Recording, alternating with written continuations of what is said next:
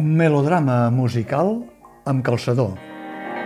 Ya viene el negro zumbón, bailando alegre el bayón, repica la zumbomba ya la mujer. Ya viene el negro zumbón, bailando alegre el Goita que fan ara, un tast de la cubana. I esclata la peça emblemàtica de la comparsa de la trup cubanera.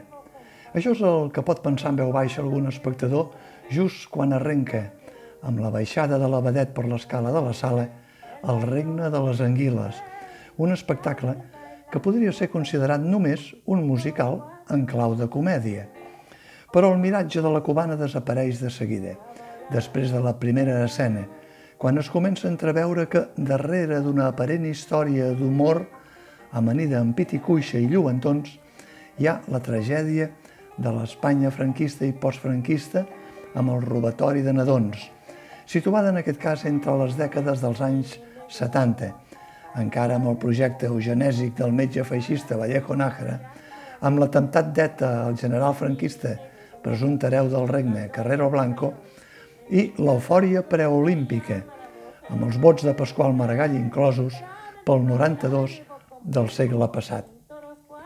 Els protagonistes són una jove cupletista del paral·lel del Molino en decadència, es diu la vella Rosita, qui sap ser inspirada subtilment en l'antiga època daurada de la vella Dorita, un venedor a domicili de peces tan indispensables per als peus i les sabates de xarol com els calçadors, en Ramonet, addicte al joc i escurat com una rata, i un quinqui habitual de les timbes de pòquer il·legals, àlies Gelà. Tots tres, atrapats entre la marginació de finals del franquisme de la dictadura i l'esclat de la candidatura dels Jocs Olímpics de Barcelona amb aquell mític anunci del president del COI, Joan Antoni Samaranc, vell amic dels franquistes, a la Ville de, que, ves com són les coses, ho va canviar tot. El poder del govern del règim, l'Església i la conxorxa de segons quina part de la sanitat de la segona meitat del segle XX marquen el triangle de l'estafa considerada legal confrontada amb l'estafa de la que es considera il·legal, la dels tres protagonistes del regne de les anguiles.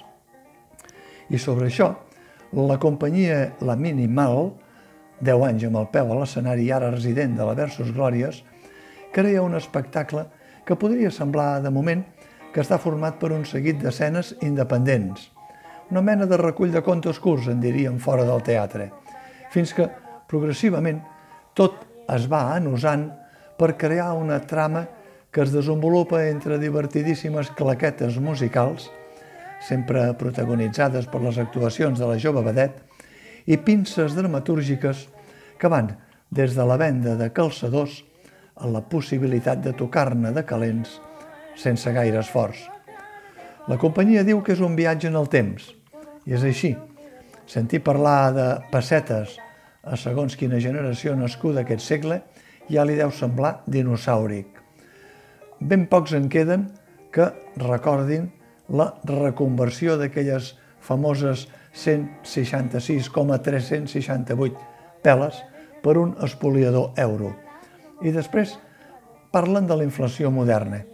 Si la inflació és el que és, què se'n pot dir del traspàs de les pessetes als euros?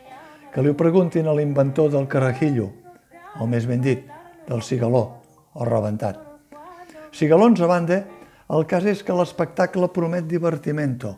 El vell cabaret sempre funciona i la interpretació del trio protagonista ho fa possible, des dels minimonòlegs del Ramonet, l'actor Carlos Cruces, fins als tripijocs del Quinqui de l'A, i sobretot, és clar, amb les intervencions bàsicament musicals de la vedet, la vella Rosita, que interpreta l'actriu i cantant Neus Soler, que recentment ha format part del repartiment del musical La filla del mar, al Teatre Condal, i de l'obra Quan ens haguem torturat prou, al Teatre Nacional de Catalunya.